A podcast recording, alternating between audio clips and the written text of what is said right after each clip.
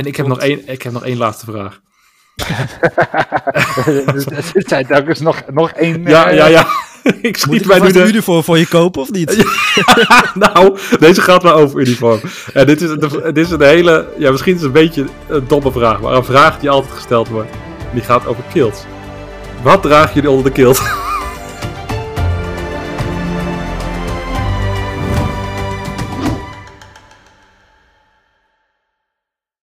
Hallo en welkom bij een nieuwe aflevering van de Dutch Reenactor podcast. Vanwege een uitgevallen aflevering zijn we er even een weekje tussenuit geweest. En ja, Bjorn, het voelt voor mij alsof we echt een hele tijd weg geweest zijn. Is dat ook zo? Het was dan maar kort op, op wat dat betreft hoor. Ik bedoel, het is één weekje ertussenuit. Het, eh, dus we zijn nu drie weken, vier weken? Valt wel mee toch? Ja, ja, er is inderdaad eentje tussenuit gegaan. Maar dat betekent dan dat er twee keer twee, keer twee weken achter elkaar geen opnames zijn geweest. Dus dat voelt misschien lang. Ja, terwijl ik... Nou goed, maakt niet uit. Ja, ga verder. Ja, we hadden het gat kunnen opvullen, maar ehm, ja, er viel even eh, een, iets weg uit de planning. Een andere gast van een andere aflevering die eventjes niet, eh, niet kon. En eh, ja, we hadden dat kunnen opvullen, maar we vonden het wel fijn om even een weekje pauze te nemen, hè, na alle drukte. we hebben al die reviews eh, een een na de andere eruit gegooid. Dus je weet hoe druk we het hebben gehad. Het was wel echt Ja. wel even fijn. Ja, inderdaad.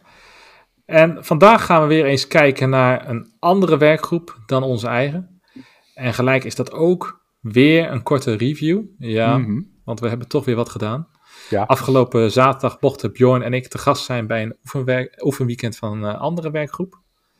En eh, voordat we daarheen gaan, eerst eventjes mijzelf voorstellen.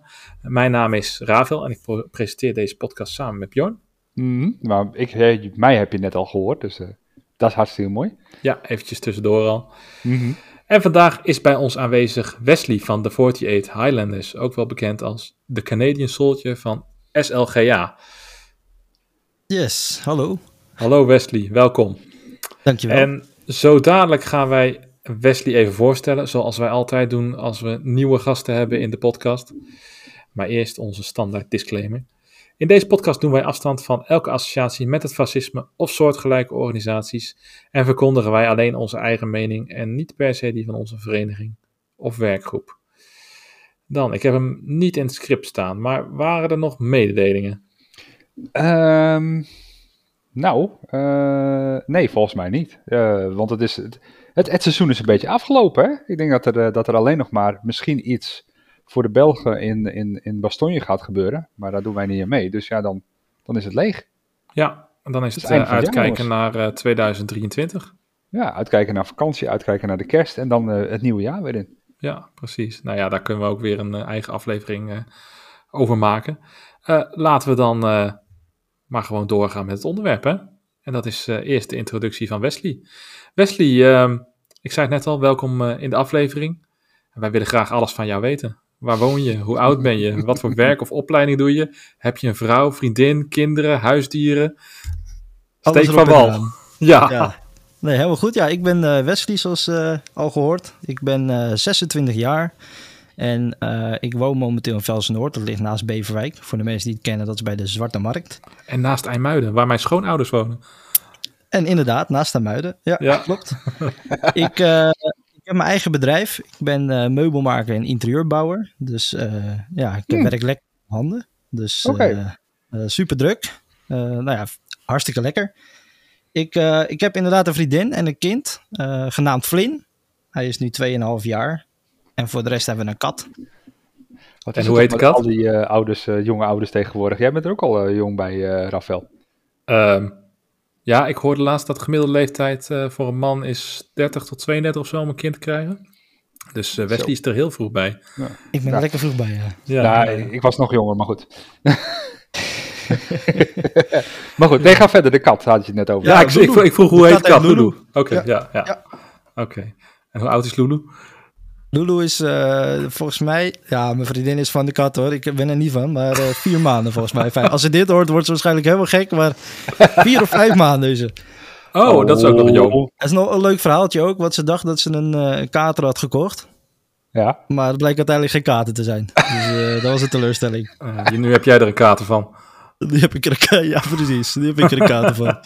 Uh, eventjes een hypothese. Ehm, ik kom er steeds meer achter dat eigenlijk heel veel mannen eigenlijk helemaal geen huisdier willen. En Oh. Ja, ik zou dat zeggen. Echt in mijn omgeving, allemaal mensen die dan een huisdier hebben, een ja. kat, en dan, en dan toch eigenlijk liever geen kat willen, maar dat dan doen voor een vriendin of vrouw. In mijn geval is dat zeker ook zo.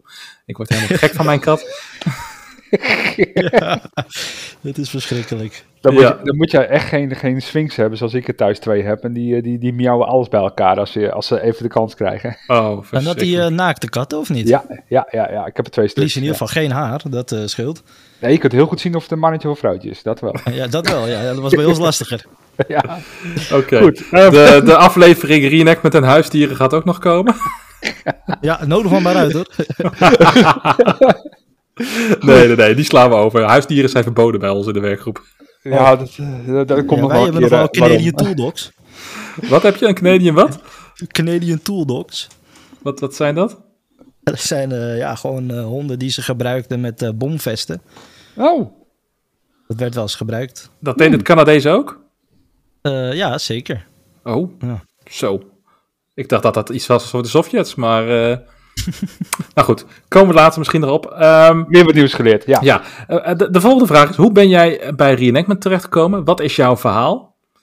Um, ja. En, en ja, misschien daaraan sluit het ook gelijk, waarom Canadees? Ligt er ook een beetje aan hoeveel uitbeeldingen je hebt, uh, dat weet ik niet. Maar ik, ik, ik, ik vuur nu, nu alle vragen even tegelijkertijd erop jou af. Nee, dat is helemaal goed. Uh, nou, hoe ben ik bij reenactment gekomen? Dat is eigenlijk... Ja, vrij niet, niet per se bijzonder, maar ik, uh, mijn vader die had een collega en uh, die deed reenactment. En die ging gewoon een keertje kijken bij Fort Veldhuis toevallig, waar we geoefend hebben. Ja. En uh, toen we daar waren, leek het mijn vader eigenlijk wel wat om het ook te gaan doen. En ik was toen nog heel jong, ik was toen 16. En ik was gaan kijken en ik vond het op zich wel interessant. Het, niet per se dat het me gelijk aantrok, um, want ik vond het nog wel een beetje apart dat je je dan zou omkleden in een uniform en dat je daar zou rondlopen. Ik bedoel, als je jonger bent, heb je daar toch misschien wat meer, ja, ik zal geen zeggen schaamtegevoel, maar dat je denkt van ja, ga ik dan in mijn uniform bij, uh, bij de publiek uh, lopen en ja, hoe voel ik me daarbij? Je bent toch jong en ja, je hebt vrienden en je hebt natuurlijk een groeps... Uh, een groepje waar je mee hangt. En ja, wat gaan die ervan vinden? Dus ja, dat, daar, daar dacht ik nog een beetje over na. Mijn vader die wou het heel graag en mij leek het ook heel leuk. En toen zijn we het eigenlijk gewoon gaan doen. We zijn toen uh, Canadees gaan doen, omdat diegene uh, die ons eigenlijk meenam ook Canadees deed. Oké. Okay. En toen zijn we er eigenlijk ingerold. En uh, mijn vader die heeft toen de uniformen voor ons gekocht. En toen zijn we eigenlijk met z'n tweeën gelijk begonnen. Ja. En zo ben ik eigenlijk uh, altijd Canadees gaan doen. Uh, ik ben nooit gestopt met Canadees doen. Het is nog steeds mijn hoofduitbeelding en uh, nu weer mijn enigste uitbeelding. Maar ik heb zeker wel meerdere uitbeeldingen gedaan. Ik wilde zeggen, je zegt enigste uitbeelding. Maar welke andere uitbeeldingen waren dat dan, die, die je verleden gedaan hebt? Ik heb uh, op een gegeven moment, nadat ik een paar jaar Canadees heb gedaan, uh, ben ik uh, bij een groep gekomen die ook Franse SAS deed en commando's. Ja. ja. Dus een beetje de elite reenactment. Mm -hmm. um, ja, het trok me op zich wel aan. Het is elite, je hebt wat meer omheen. En uh, nou, in de jongere tijd van mijn... Uh, ik ben nog steeds jong hoor, maar in, bij reenactment in ieder geval was het zo van ja... Het is best wel peppy als je wat meer om hebt. En dan kan je misschien wat meer laten zien en wat meer vertellen. En wat is het verhaal daarachter. Ja. Uh, maar uiteindelijk kwam ik er toch achter dat dit niet helemaal iets voor mij was. En dat de standaard inventarist toch wat meer voor mij ja, weggelegd ja. was. Oké. Okay. Ik wil net zeggen dat dat geldt ook wel een beetje voor wat we eigenlijk alle grenadieren bij ons meegeven. En eigenlijk moet het elke vereniging dat meegeven.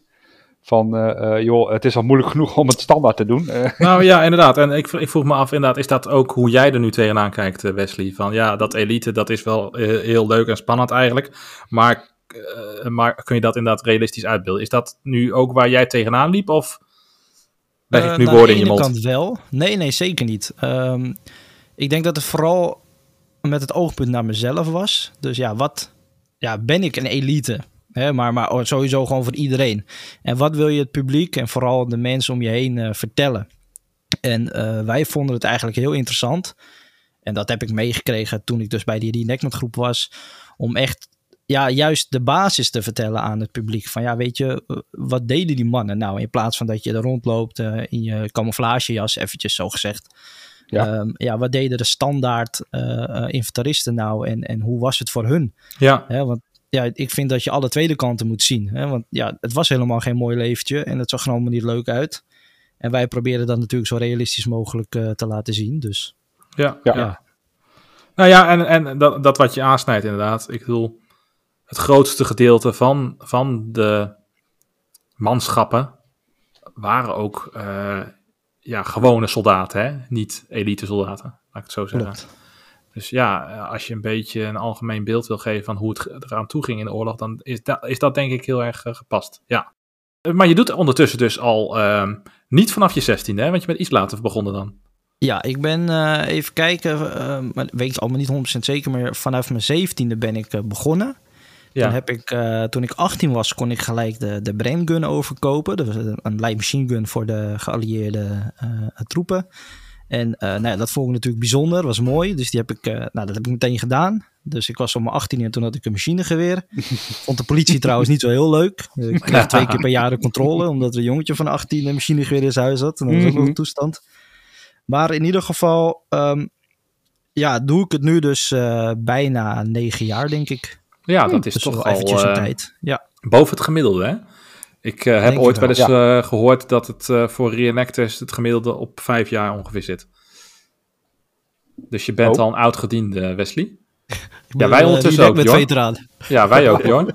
Shit, oké. Nou, nou ja, goed nieuws, denk ik dan, de vraagteken. ja, de teller raakt volgens mij uh, voor mij nu de 7 aan, uh, 7 jaar.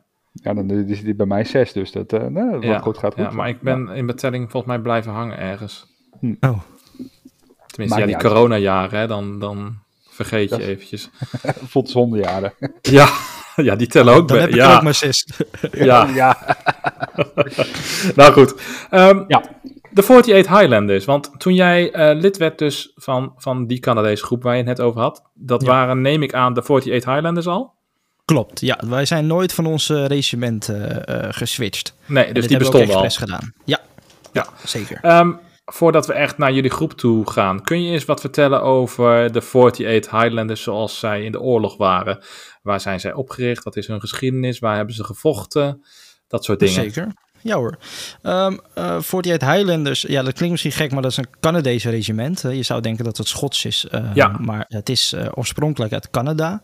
En het heeft een hele interessante historie. Um, want in Toronto, dus rondom Toronto, zat een Schotse community, zeg maar. Dus ja. een, een hoop Schotse lui.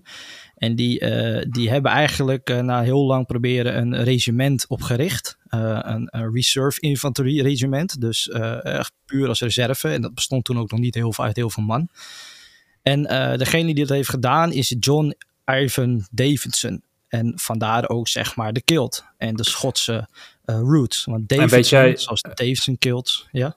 Weet jij in welk jaartal dat opgericht is? De Zeker, 1981, 19, 1891, sorry. Ja, Oké, okay, dus zij hebben ook meegevochten in de Eerste Wereldoorlog dan waarschijnlijk. En ook in Zuid-Afrika, ja. Oké, okay, ook in Zuid-Afrika. Dus eerst Zuid-Afrika, dat was hun eerste uh, gevecht. Uh, en vanuit uh, Zuid-Afrika hebben ze de hebben ze Eerste Wereld gedaan en de Tweede Wereldoorlog. Zo, dus al, al een wat langere geschiedenis.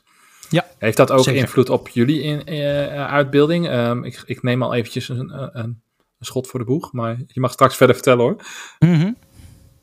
Nou, uh, in welke zin bedoel je dat precies? Um, ja, ik weet niet. Ik ben, ik ben zelf, ja, wij, wij doen zelf de Royal Ulster Rifles uh, als ja. een zijuitbeelding. Ik ben verder niet heel erg uh, bekend met geallieerd, dus ik weet niet in welke mate een langere regimentgeschiedenis invloed kan hebben op, op een uitbeelding. Um, nou ja, kijk, de reden waarvoor in ieder geval de uitbeelding is gedaan door de groep waar ik in zit, is in ieder geval dat de meesten die daar woonden, eh, die zijn bevrijd door dit regiment, zeg maar. Dus ja. 48 Highlanders heeft uh, rondom Deventer, Wilp en Apeldoorn bevrijd. En um, vandaar dat dit ook gekozen is en vandaar dat wij het ook reenacten, omdat ze echt in Nederland zijn geweest. En het heeft voor ons niet zozeer echt belang dat ze ook de Eerste, Eerste Wereldoorlog en Zuid-Afrika hebben gedaan, want dat reenacten wij niet. Al is het nee. natuurlijk wel heel interessant. Ja, maar dat maakt niet jullie uitbeelding op een of andere manier anders of zo? Ik, ik denk aan medailles of zo. Of... Nee, zeker dat niet. Oké, oké. Of bepaalde tradities, dat kun je je ook nog voorstellen dat ze iets meegenomen hebben van vroeger. Nou, dat zeker. De tradities die blijven natuurlijk altijd voortstaan. Mhm. Uh, Alleen uh, wordt dan natuurlijk wel geëvalueerd in de oorlogen van ja, wat is nou handig en wat niet. Uh, zoals de kilt. In de Tweede Wereldoorlog mocht de kilt niet meer als battle uniform gedragen worden. Mhm. Dus dat werden gewoon de battle trousers, dus gewoon de broek. En, ehm, maar er werden wel dingen, zeg maar, zoals de tartan achter de cap badge werden behouden. Ehm, Oh, oh, Al even, dat soort Wat, zeg wat zei dat? de tartan. Dus zeg maar, de, eh, dus als je de kilt hebt, heb je de Davidson kilt, dan heb je een speciale patroon. Ja. Ja, dus, eh, en dat eh, droegen ze achter hun cap badges op een eh, op hoofddeksel, zeg maar. De Tem Oceanto noemen wij dat. Mhm. Ehm, dat droegen ze dat erachter om toch te laten zien. we zijn Schots en we hebben onze Oh ja. Schotse tradities voort, ook in de Tweede Wereldoorlog. Ja, En dat is ja. hetzelfde met de Glengarry's. Dat zijn zeg maar ook hoofddeksels met dat witte en rode blokjes, zeg maar. Als je dat even een beetje kan visualiseren. Ja, Ehm, en die, die droegen ze dus ook af en toe. ja, ja. En eh, de, de poeties noem je dat, hè? Ja, de poet is weer een andere eh, verhaal. Dus dat, Dat, heeft zijn, niks te eh, maken dat, zijn, met... dat zijn de beenwinsels, eventjes voor de vertaling. Yes, ja. Dus de, als je zeg maar bekend bent met de Britse infanterie, dan heb je de anklets. Dus zeg maar, Mhm. de, die gebruiken de Britten en de Canadezen ook trouwens. Maar wij hebben de beenwikkels. Dat is meer een beetje van de Eerste Wereldoorlog eh, afgestamd. Ja. Mochten ze in de Eerste Wereldoorlog wel de kilts nog dragen? Ehm, volgens mij wel. Ik eh, weet dat niet 100% zeker, maar volgens mij werd dat nog steeds gedragen, ja. Ja, ja oké. Moet wel koud geweest zijn, maar goed. Dat denk ik Ehm, ook. De Tweede Wereldoorlog. Eh, jij, jij gaf net al aan, hebben, ze hebben het, een oostelijk deel van eh, Nederland hebben ze bevrijd. Eh, ehm, waar zijn zij nog meer ingezet geweest in de Tweede Wereldoorlog? Begonnen ze al in 1940 bij de British Expeditionary Force of zijn ze ergens anders erin gekomen? Nee, ze zijn eh, eh, vanuit 1939, 1940 zijn ze naar Engeland vertrokken. Daar hebben ze training gehad. En eh, vanuit die training zijn ze in 1940 ehm, zijn ze naar Frankrijk gegaan voor een, voor een operation. En eh, toen ze daar waren, kwamen ze eigenlijk achter van ja, er is hier niks, zijn geen Duitsers, dus ze gingen weer terug. Dus ze zijn lang eh, onderweg geweest voor niks eigenlijk. Mhm. Zijn weer in Engeland eh, geweest. En in Engeland zijn ze op een gegeven moment in 1943 naar Sicilië gegaan. Dus dat is onderin Ita- in Italië. En Ja. dat was eigenlijk hun eerste conflict in de Tweede Wereldoorlog. En dat noemen wij dan, of dat noemden ze toen Operation Husky. Ja. Even, even een samenvatting. Jij zegt in 1940 gingen ze naar Frankrijk. Ik neem aan dat dat voor de ehm, inval was van de Duitsers? Of... Nee, toen was het al. eh, toen was dat al. En toen zijn ze, zijn ze dan gevlucht? Of, want, jij zegt er waren geen Duitsers, maar wat bedoel je daarmee precies? Eh, nou, dat ze daarheen gingen voor een, eh, voor een, ja, een, een missie, zeg maar. In de verwachting dat ze daar zouden tegenkomen, of iets zouden tegenkomen, maar dat daar geen weerstand was. Dus daar was niks uiteindelijk voor hun om, eh, om te doen. Dus daarna gingen ze weer terug. Dan gingen ze terug naar Engeland. Oké, ja. En hebben ze de verdere inval van de Duitsers dan niet meegemaakt? Daar niet. Ze zijn pas in 1943 weer Ja, opnieuw. ja. eh, Ze, ze zijn blijven trainen in Engeland. Net zolang tot ze in 1943 eh, eh, meededen aan Operation Husky. Maar dus ook de Noord-Afrika-campagne gemist dan? Weet je wa- waarom dat is? Is dat bewust gedaan? Omdat ze Canadezen waren en misschien Zou niet tegen de hitte nee. of zo? Nee, nee, nee, nee, nee dat, dat denk ik niet hoor. Maar eh, ik zou niet weten waarvoor daar niet voor gekozen is. Dus ze zullen daar vast wel een goede reden voor hebben gehad. Maar eh, Mhm. ze zijn niet ingezet eh, eh, pas in 1943. Oké, en, en hoe, hoe ging het toen verder? Operation Husky? Ja, ze zijn eh, zeg maar Italië, eh, ze hebben dan een landing gehad. En eh nou, de landing die werd verdedigd door de Italianen. Dus eh, aan het strand hadden ze niet heel veel eh, verweer. Dus zij konden vrij makkelijk eh, Italië in.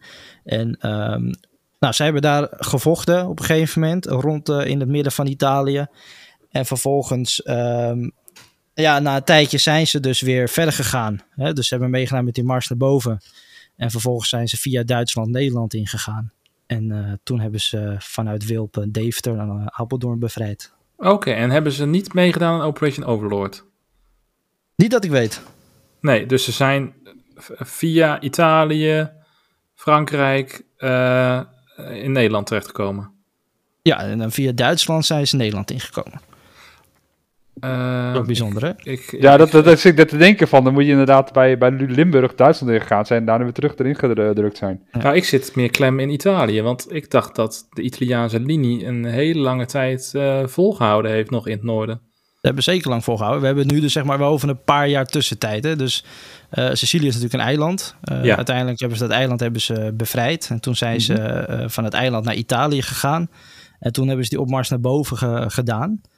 En toen zijn ze natuurlijk via Duitsland. Dus als je het even verder spoelt. Want ik weet natuurlijk niet elke actie die ze hebben gedaan. Ik, ik weet een hoop, maar mm -hmm. niet alles.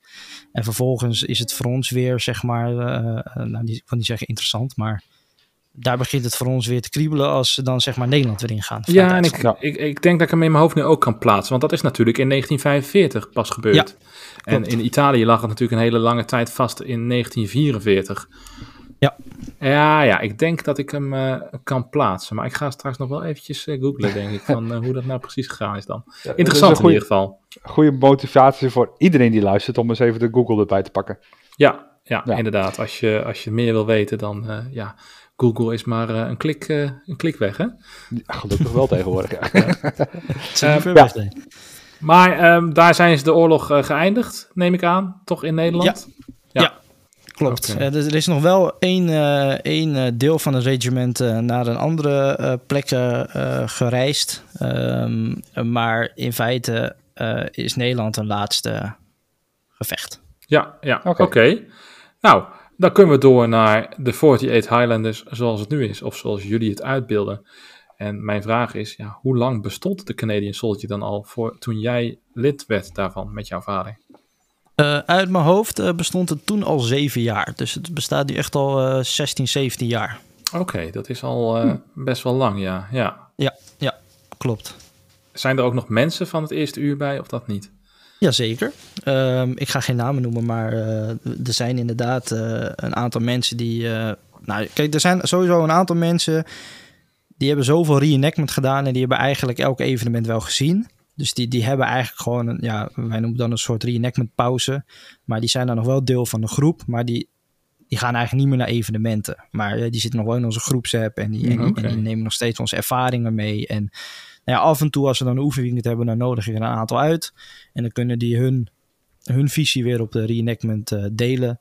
Uh, maar echt actief meedoen, dat, dat doen ze niet meer. Maar we hebben er ook een paar die dat wel doen. En die doen dan bijvoorbeeld een gedeelte headquarters of die hebben een voertuig gekocht. En die willen dan graag uh, toch nog lekker meedoen. Dus daar zijn we ook hartstikke ja. blij mee. Ja, we zijn eigenlijk een beetje een soort van ereleden. Ja, zo kan je ze wel noemen. Ja, ja. Sommigen die zijn echt heel actief. En sommigen die hebben ook echt wel een officiersfunctie, zeg maar. Um, en sommigen die, uh, ja, die komen eigenlijk wanneer ze zin hebben. En dat is ja. ook prima. Ja, want hoe groot is jullie groep? Um, helaas zijn er een aantal vorig jaar uh, overgestapt naar een andere groep. Maar we zitten nog steeds rond de 22 à 27 man. Oké, okay, ja. Dus we hebben echt best wel, voor de Canadese groep hebben we echt wel een leuk, uh, leuk aantal. Ja, ja, ja, ja. Ja, daar komen we straks ook nog eventjes op. Um, Eerst wil ik graag eventjes weten, ja, wat is jullie doelstelling nu eigenlijk met de Canadian Soldier? Waar, waar, waar focussen jullie op? En wat vinden jullie belangrijk? Ja, nou ja, wij zijn, um, en dat probeer ik mijn leden ook altijd te vertellen, wij zijn echt een groep gericht op uh, display, educatie. Dus je hebt groepen die mm -hmm. hebben natuurlijk, uh, die focussen zich op het, op het um, hoe zeg je dit? Zeg maar, zo dicht mogelijk gevoel krijgen van oké, okay, uh, zo leeft de soldaat en, en, en doen, doen alsof. Maar wij proberen eigenlijk door middel van ons zo te kleden, maar ook de spullen tot 100% correct. Dus, dus zeg maar je webbing en dat soort dingetjes. De, de mensen laten zien hoe ze het toen hadden, zeg maar. Dus wij proberen echt ons te focussen op displays. En dat doen we eigenlijk door en de kinderen, maar ook de volwassenen een soort uh, mee te nemen in onze displays. Dus daar, ja, daar focussen we op. Dus wij zijn ook niet echt van de battles. Hè, is het interessant en, en, en tactisch bewegen is, is, is ook leuk. Hè, omdat daar natuurlijk ook een stuk geschiedenis is. Ja. Maar wij focussen ons wel vooral op uh, de educatie. Ja, ik had het uh, tijdens het uh, oefenweekend ook al eventjes met jou hierover. Hè? Um, maar wat mij wel opvalt aan jullie groep, is dat jullie, ondanks dat jullie een displaygroep zijn, en dat vind ik vaak, heeft dat altijd een beetje een negatieve bijklank, maar dat is het vaak niet, hè, als je het op een goede nee. manier doet. Maar wat ik wilde zeggen is, ik merk wel dat jullie een hele actieve groep zijn, die ook um, naar andere groepen toe gaat.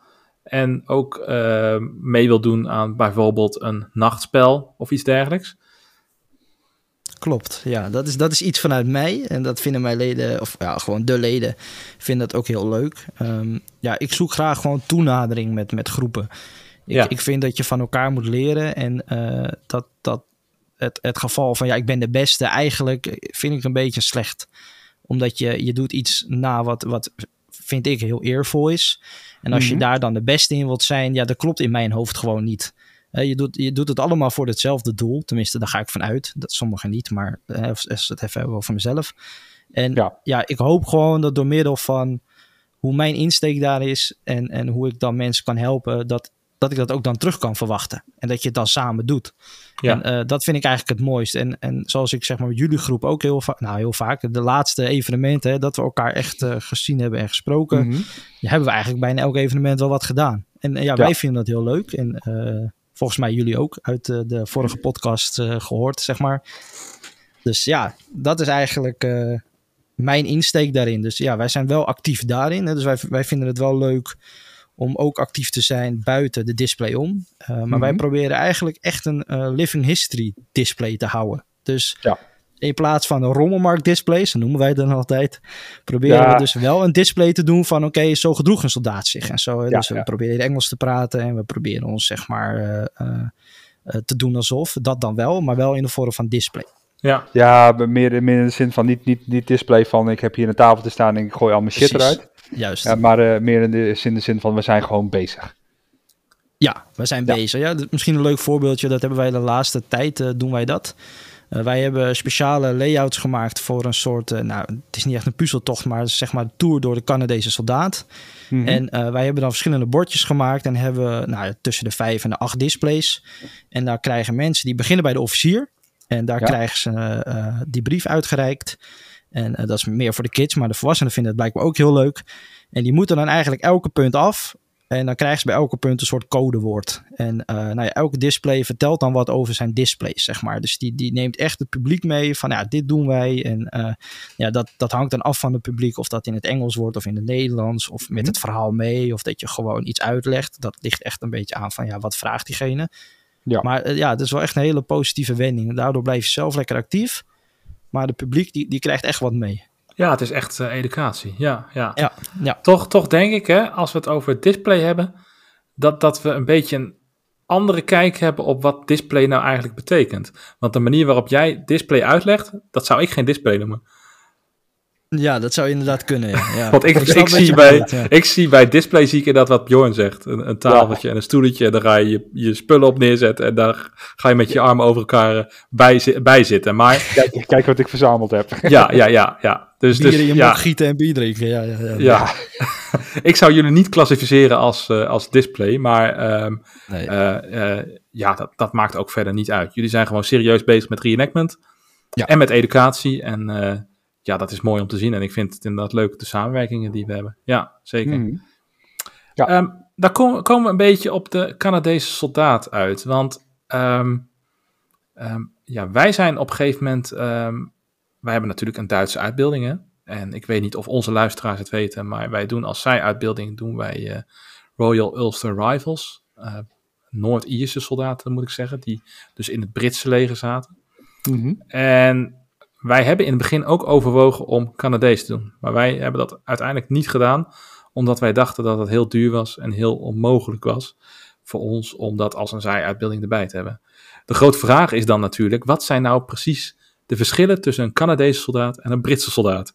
En eh, het makkelijke is dat we jou nu hier in de aflevering hebben. Dan mag jij het allemaal Ja. voor ons uitleggen.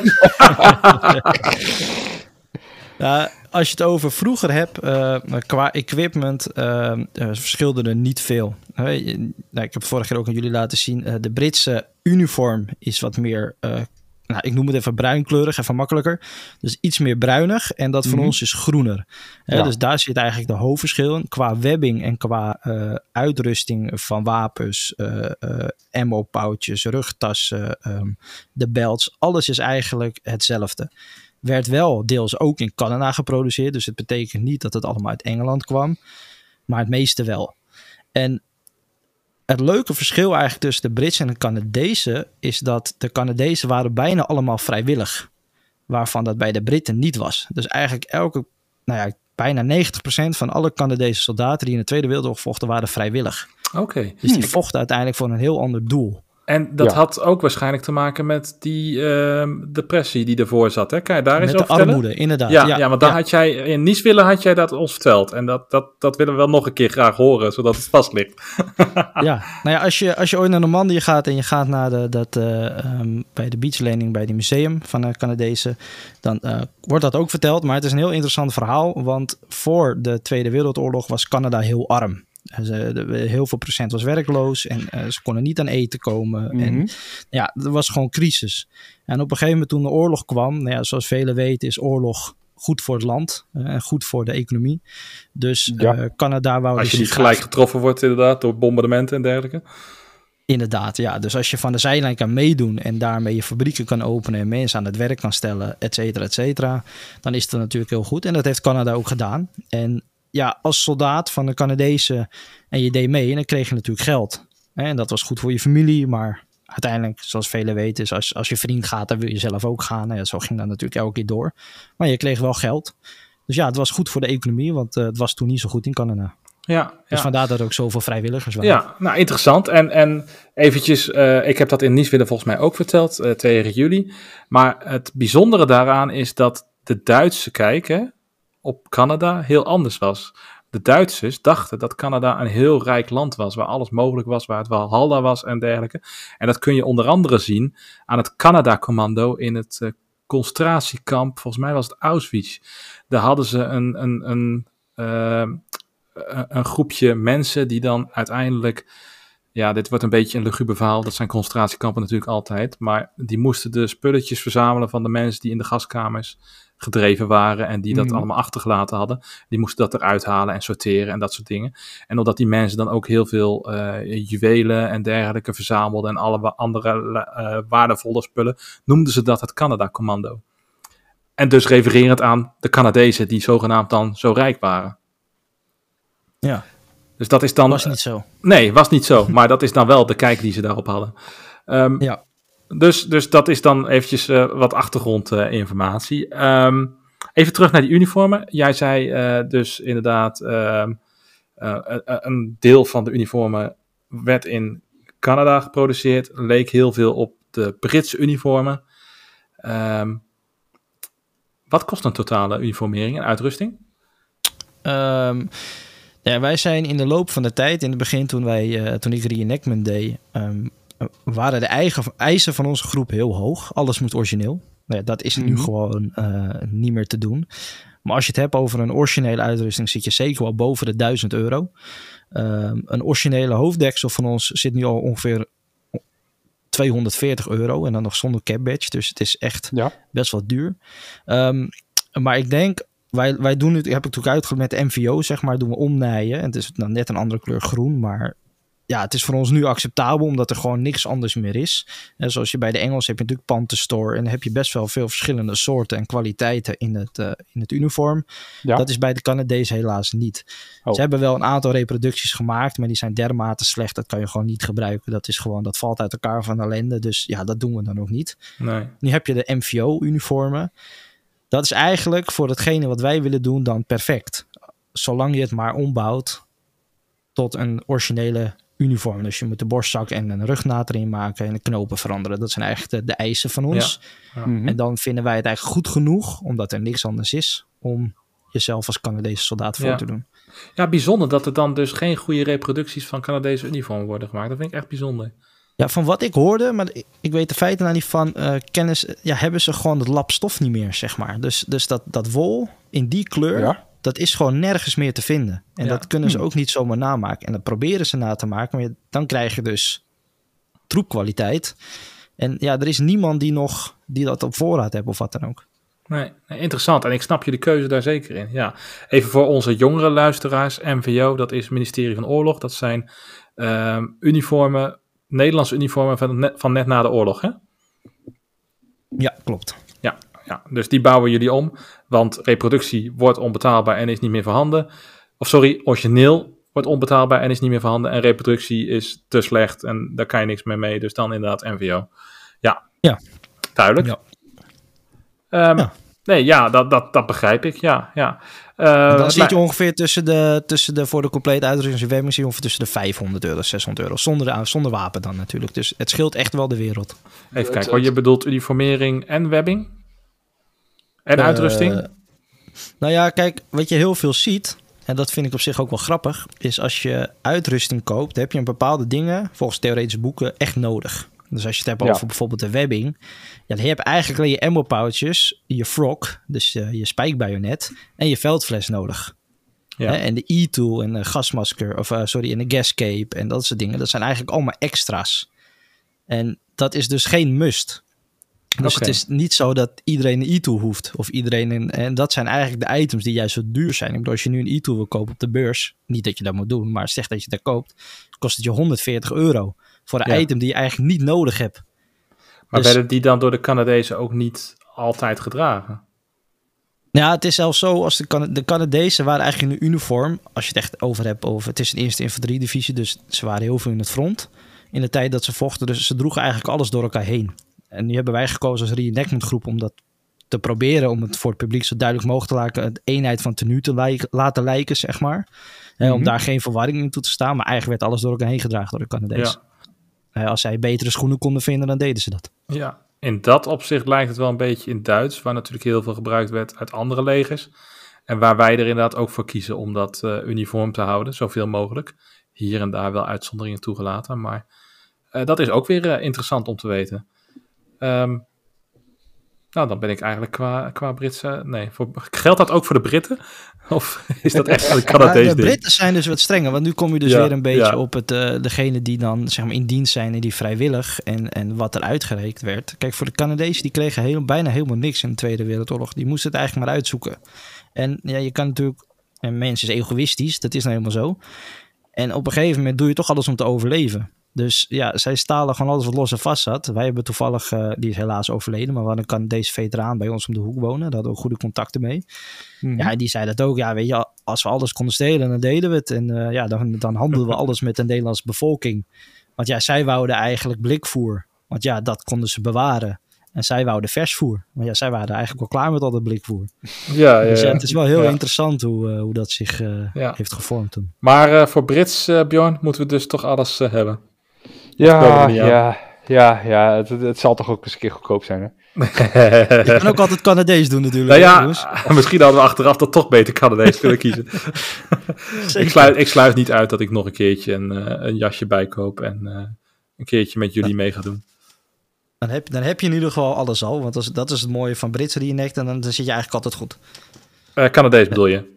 Nee, ja, kijk, als je Britse reenact, dan heb je natuurlijk bijna alles nodig. Dus als je dan Canadees Oh zo, doet, dan, ja, eh, op die manier. dan heb je ik snap genoeg. hem. Ja. Ehm, nou, dat, dat is dan duidelijk. Eh, nou, misschien gaan we dat ooit een keertje doen. Eh, ik sluit het niet uit.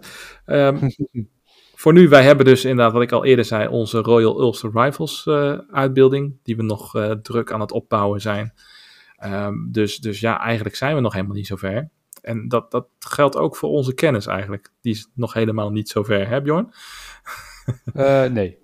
Dus daarom was het voor ons wel heel leuk dat jullie ons uitnodigden voor jullie oefenweekend bij Fort Veldhuis. En eh, dat was, eh, deze opname komt waarschijnlijk op een maandagavond online. Dus dan was het niet het afgelopen weekend, maar het weekend daarvoor.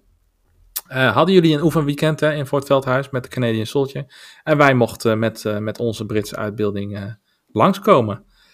En eh, ja, da- daar wil ik jullie nog eh, publiekelijk voor bedanken, nogmaals, voor de aanwezigheid, dat wij dat daarbij mochten zijn. En, Jullie eh, ook bedankt. Wij vonden het superleuk. Dus, ja, eh, ja, want we konden drie secties vormen, hè? Mhm. ja, we hadden een pelotonformaat. Ja, dat is natuurlijk eh, dat is mooi om te oefenen. Ja, zeker. En voor ons was het eh, heel erg wennen, want ik, ik, ik weet nog, ik was daar op de zaterdag en ik was echt aan het denken van, oh, en waar moet ik nou staan en hoe zit het nou? Want bij Duits zit het helemaal in mijn hoofd, maar bij, bij, bij Commonwealth, zou ik maar even zeggen, weet ik er helemaal niks van. Dus het was echt wel even zoeken, maar toch heel leuk eh, om gedaan te hebben. En, en ik wilde ook graag weten, wat was voor jullie eh, de insteek van dat betreffende oefenweekend? Ja, dat is eigenlijk heel interessant. Wij houden eigenlijk eh, sowieso twee keer per jaar een oefenweekend. Ehm, en wij, ja, ik zorg er eigenlijk voor dat de oefenweekend elke keer wat anders is. Dus dat we een thema, ik noem het even een thema, maar iets anders is. En dit keer was Mhm. het eh, Operation Husky. Nou, jullie zijn ook bij die lessen geweest natuurlijk. eh, maar in ieder geval, eh, wij gaan volgend jaar in de zomer naar Italië. We zijn uitgenodigd Oh. door het huidige regiment om naar Sicilië te gaan. Dus zeg maar Oké. echt de eerste gevechtscontact. En wij ontmoeten daar de 48 regiment en, en een aantal belangrijke mensen. En wij gaan daar dan battlefield tours doen, maar ook ceremonies en herdenkingen. En wij vinden het dan belangrijk dat de mensen die daarheen gaan eh, wel wat informatie weten van ja, wat hebben ze daar nou echt gedaan, zeg maar. Dus dat ze daar niet heen Ja. gaan met eh, geen kennis. Ehm, ja, dat zou ik jammer vinden, want ik denk dat de beleving het dan nog mooier maakt als je daar bent en je weet wat die mannen hebben gedaan. Dus dat was ook de insteek voor dit weekend. Ah, interessant. Ik had dat niet meegekregen, want ik kwam ook pas wat later binnen. Eh, maar, maar interessant om te, om te horen. Maar gaan jullie dan ook met uniformering daar naartoe? Ja, ja. Oké, oké. Oh, dat klinkt Ja. wel heel mooi. Ja, het is een week lang. Het is van even uit mijn hoofd 22 juli tot 30 juli. Dus dus 7, eh 7 8 dagen. En ehm, ja, het is voor ons natuurlijk wel echt iets heel gaafs in, in, die Ja. negen jaar dat ik nu reenactment doe. eh, en dan uiteindelijk... Wij hebben sowieso goede contact hoor met het, met het huidige regiment. Want het regiment is nog steeds eh, een soort van dienend als reserve.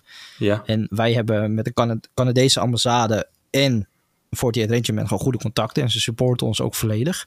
Ze hebben toevallig een van onze leden voor hun eh recruitmentformulier gebruikt eh, destijds.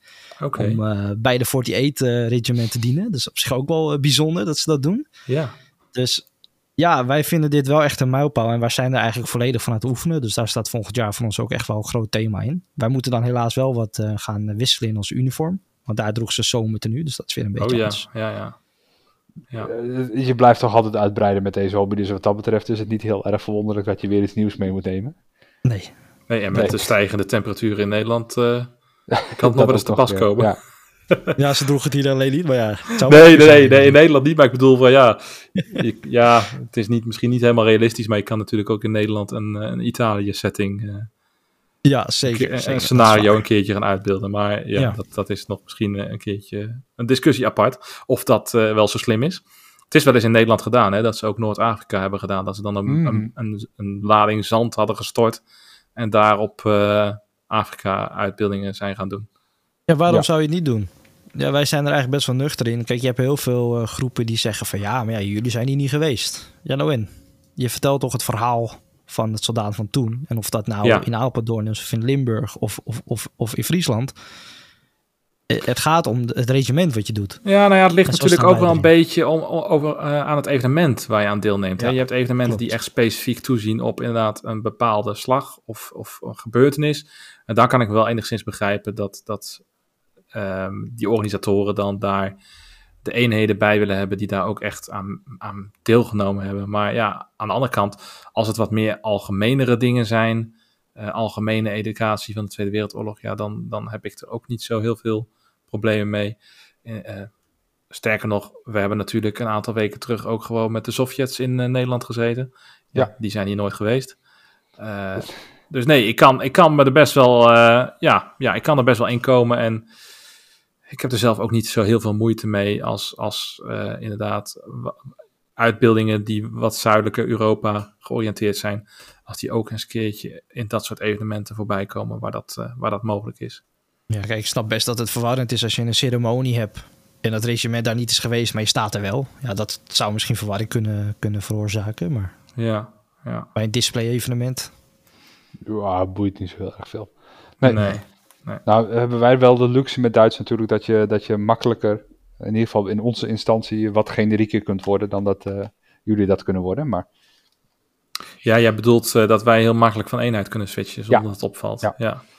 Nou, dat was wel grappig van Overloon nog, want toen werd ons dus inderdaad gevraagd van ja, kunnen jullie je divisielogo, kunnen jullie dat eh, opsturen? Want dat gebruiken we dan in de folder voor de, voor de speurtocht van de kinderen en zo. En eh, want zij dachten, denk ik, dat wij ons divisie, dat dat op onze uniformen net zo zichtbaar is als dat bijvoorbeeld bij de Canadezen en de Britten is, die op hun armen de divisielogo's hebben. Hè? Ja, precies. Ja, dat is bij Duits inderdaad niet. Dat, dat is gewoon Nee. nergens aan te herkennen. Het enige wat wij gebruiken, waar je het enigszins aan zou kunnen herkennen, zijn de slaufjes met ons regimentnummer erop. Die, die we overigens alleen gebruiken buiten gevechtssituaties. Dat is degene op de schouder, hè, is dat? Ja, op de Ja. schouderstukken gaat dan zeg Ja, maar zo'n lapje stof overheen. En in ons geval staat daar 726 op. En eh, eh, leuk om te weten is ook dat die alleen door volwaardige leden wordt gedragen. Dus de recruten die hebben die nog niet. Want die moeten Mhm. hun uitbilding nog opbouwen. En als ze dan uiteindelijk eh, eh, de overstap maken naar een grenadier, de promotie kan ik als het ware zeggen. Dan worden ze Mhm. dus een volwaardig lid en dan krijgen ze ook de slaufjes uitgereikt. ehm, die ze dan dus mogen dragen buiten gevechtssituaties om. Oh ja. Ja. Ehm, even terug naar jullie oefenweekend. Eh, dan is het duidelijk waar de focus op ligt natuurlijk. Dan zijn jullie Ja. eh, volop aan het voorbereiden. En wij deden mee in, in een deel van die voorbereiding.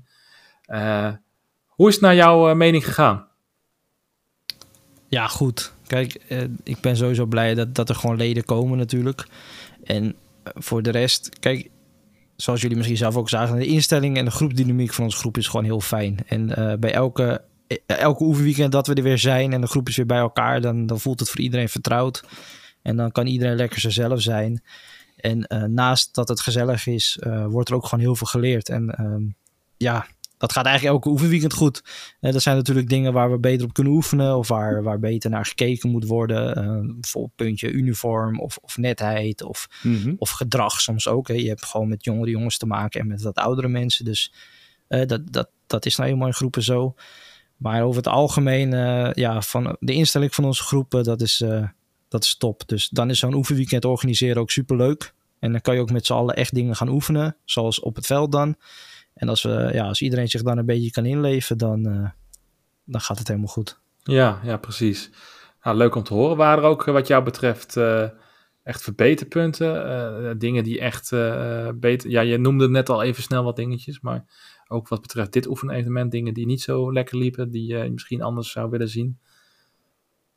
Ja, dat is natuurlijk altijd lastig. Hè? Kijk, het liefst wat je, en dat heeft elke groep natuurlijk wel, is dat als je een oefenweekend organiseert, dat, dat iedereen er van je groep is. En als dat dan Ja. niet is, dan moeten mensen een rol gaan vervullen, omdat ja, dat is nou eenmaal bij onze groep.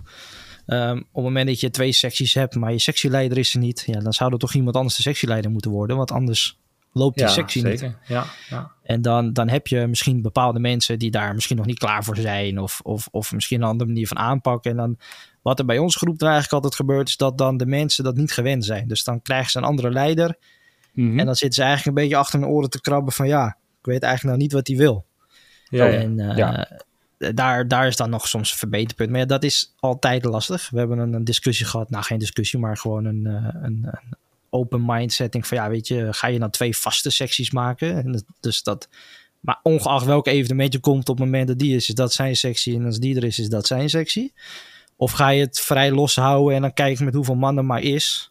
En dan, oké, dan gaat die bij die en dan ga je een beetje groepsverdelen. ja. En als je dat doet, ja, dan is er soms een beetje gebrek aan informatie. En dan kan je daar nog iets meer op focussen. Ja, ja, ja. Ja, interessant. Dat is inderdaad wel een probleem waar je in de reenactment altijd natuurlijk tegenaan loopt. Want in een, Ja. in, een, in een oorlog, om het zo maar te zeggen, is iedereen er gewoon. Totdat ze sneuvelen of gewond raken natuurlijk. Juist. En dan wordt het eh, doorgegeven eh, volgens de hiërarchie die dan geldt. Hè? Eh, Ja. Maar, maar reenactment inderdaad blijft toch vrijwillig. En, en mensen kunnen niet elk evenement komen opdagen. Dus dat blijft inderdaad altijd wel een dingetje. Ja, Bij- als, ik het, als ik het een beetje bekijk met onze evenementen, dan, dan, is het altijd wel een mooi punt om juist ehm, mensen wat flexibeler te maken met, met de, commandostructuur. En ook, ook de echte mensen die dan eh, het op willen pakken, ook wat meer eh, eh, overwicht te geven binnen ja, de commandostructuur. dat je ze de mogelijkheid geeft om, Ja. om te proberen, inderdaad, ook als de mensen die het standaard doen er wel zijn. Ja, Mhm. ja. Maar ja, desondanks, ik kan me er best wel in vinden dat eh, dat, dat inderdaad, eh, ehm, dat je daarop op moet oefenen inderdaad, dat dat soms lastig is. Ja, ja. En zo heeft elke groep inderdaad wel, eh, wel iets wat eh, nog zeker moet verbeteren. Zeker, Ja, ja, We zijn niet perfect en dat hoeft ook helemaal niet. Nee, ja, als wij we ook er niet. maar naar streven, toch? precies, Een precies. soort van ja. streven, ja, het is het. Als je het maar goed wilt doen. En als je Ja. maar lekker naar jezelf kijkt en eh, dan pas naar anderen, dan komt het helemaal goed. Ja, Precies. Inderdaad. Nou, goed dat jullie ook die zelfreflectie hebben. Dat vind ik denk ik ook, eh, dat is ook heel belangrijk van een groep. En dan Ja. zijn we, eh, wat eh, betreft deze aflevering, bijna aan het einde. En daarmee komen we ook aan het mooiste deel voor jou, Wesley. Pure reclame voor de Canadian Soldier.